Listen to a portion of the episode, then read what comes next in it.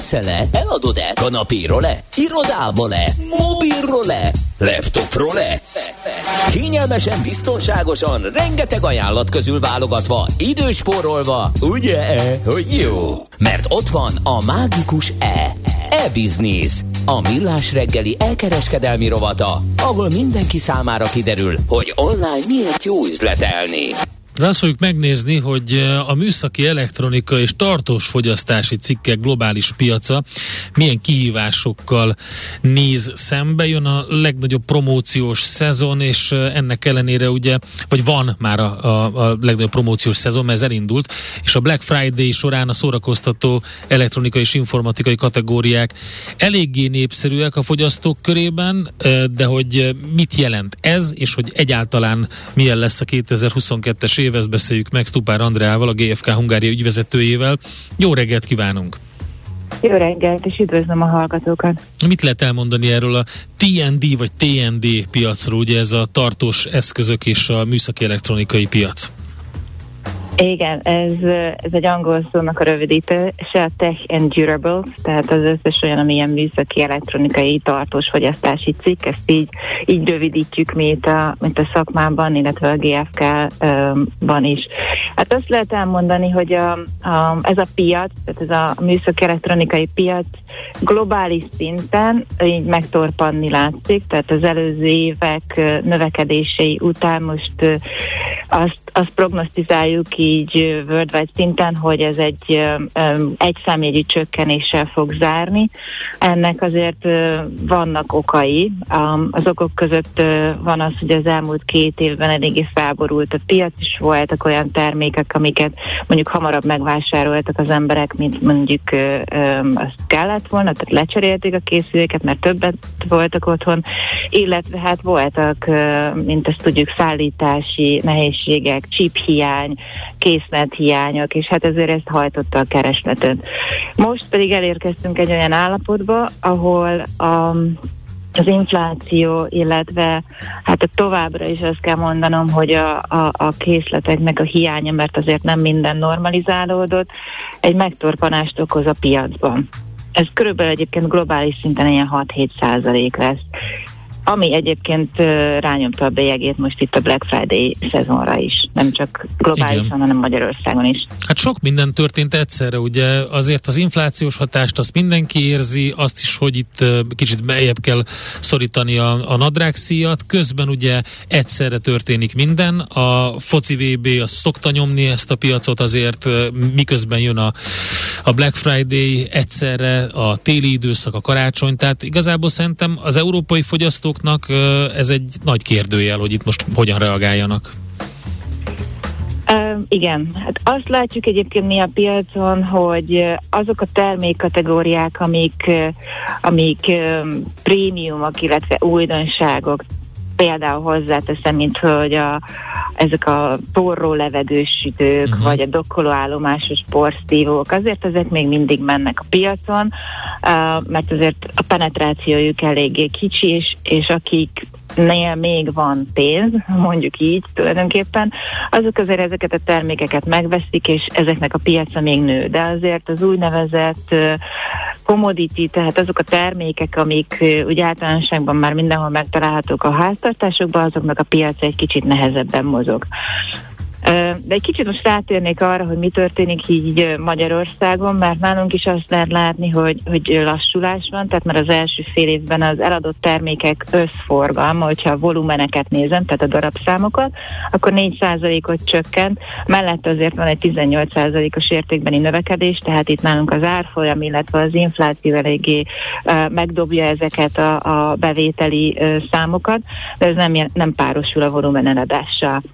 És Black Friday, ami tulajdonképpen két hét volt, tavaly is nagyjából két hét, meg idén is két hetet ölelt föl, tehát egy november 18-án indult igazán a nagy Black Friday időszak. Azt látjuk, hogy a az eladott termékek úgy, úgy zömmel ö, kevesebbet, ö, kevesebb, tehát kevesebb termék fogyott, mint egy évvel ezelőtt, amellett, hogy azért értékben nőni tudott a piac, de ez szektoronként más és más. Tehát más, hogyha a szórakoztató elektronikát nézzük, ahogy, ahogy mondta is a, a VB, az mindig hajtja ezt a piacot, picit lehet, hogy ez a hatás is benne van, meg az is, hogy, hogy elég nagy készletek voltak bent a, a kereskedőknél és gyártóknál. A szórakoztató elektronika piac egy icipicit tudott nőni darabszámban és értékben is. De hogyha mellé teszem a háztartási kisgépeket, vagy a hűtőt és a mosógépet, akkor ott azt látjuk, hogy még értékben nő, darabszámban nem nőtt ez a piac a promóciós időszakban sem.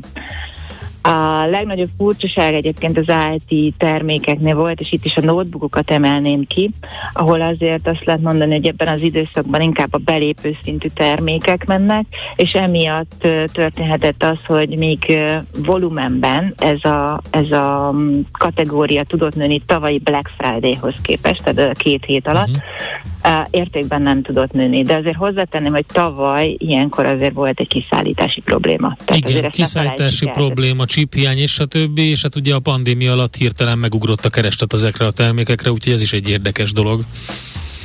Igen. Van különbség az offline és az online értékesítések között? Um, igen, van. Azt, azt tudom elmondani, hogy hogy nagyjából hasonlók a, a, a szortimentek, uh, hogy, hogy mik azok a top termékek, amit eladnak ebben az időszakban, de a rangsorban azért van különbség. Hogyha, hogyha szétválasztjuk, mert azért ez mind, mindig inkább az online piacból jön, de az offline piacban is ugyanúgy hajtja a Black Friday, a, a, tehát ez a promóció ugyanúgy megjelenik a boltokban, mint a, mint a, a web áruházakban is. Um, az áruházi forgalomban a top termék idén az okostelefon volt, azok közül a termékek közül, amit mérünk, míg az online piacon pedig a kiegészítők, tehát ez a fej és fülhallgatók. Uh-huh. Egyébként utána meg, megsfordul a sorrend, tehát a már első két helyen ugyanez a termék szerepel. Um, aztán a tévék vannak mindkét helyen harmadik szinten, meg a, a porszívók a negyediken, és akkor utána egy kicsit így felborul a sorrend, de ott vannak a top termékek között a viselhető eszközök, tehát ezek az aktivitásmérők, okosórák, ilyesmik, az elektromos uh, fogkefék, szájzuhanyok, tehát a szájápoláshoz tartozó készülékek, notebookok, kávéfőzők, a borotvák és a konyhai robotgépek is. Illetve az áruházi, áruházi Black Friday-ban pedig még a, a hajszárítók és a vízforrások forralók is jól teljesítettek. Egyébként ez is egy olyan kategória, amit azért karácsonyra szoktak venni a, a szeretteiknek az emberek. Hát akkor összességében el lehet mondani, hogy prognoszti, a prognózis az, hogy csökkenés következik Igen, be. mindenhol uh-huh. azt látjuk, hogy, hogy csökkent az előző évhez képest, sőt több helyen azt mondom, hogy volumenben két számjegyű elmaradások vannak uh-huh. az értékesítésekben a tavalyi időszakhoz képest. És ez várható 23-ra is? Hát 23-ra um, nagyon nehéz jósolni. Egyébként mindenki ezt kérdezi tőlünk, hogy mit, mi fog történni 23-ra, de, de amint látjuk itt, napról napra változnak körülöttünk a, a, a dolgok, úgyhogy nagyon nehéz előrejelezni. Hát a reálbércsökkenést előre tudjuk jelezni, az szinte hát biztos. Hát a reálbércsökkenést ezt előre tudjuk jelezni, de azt nem tudjuk előre jelezni, hogy ez, ez meddig fog tartani, és milyen hatásai lesznek, illetve lesz-e valami, amivel azért a, a béreket mondjuk 23-ban már picit feljebb tudják hozni a, a, a vállalatok, illetve um, valami támogatás jön-e. Um, nagyon nehéz előreérezni, mivel a bázisok alacsonyak lesznek, uh, mert hogy idén egy kicsit visszaesik a piac.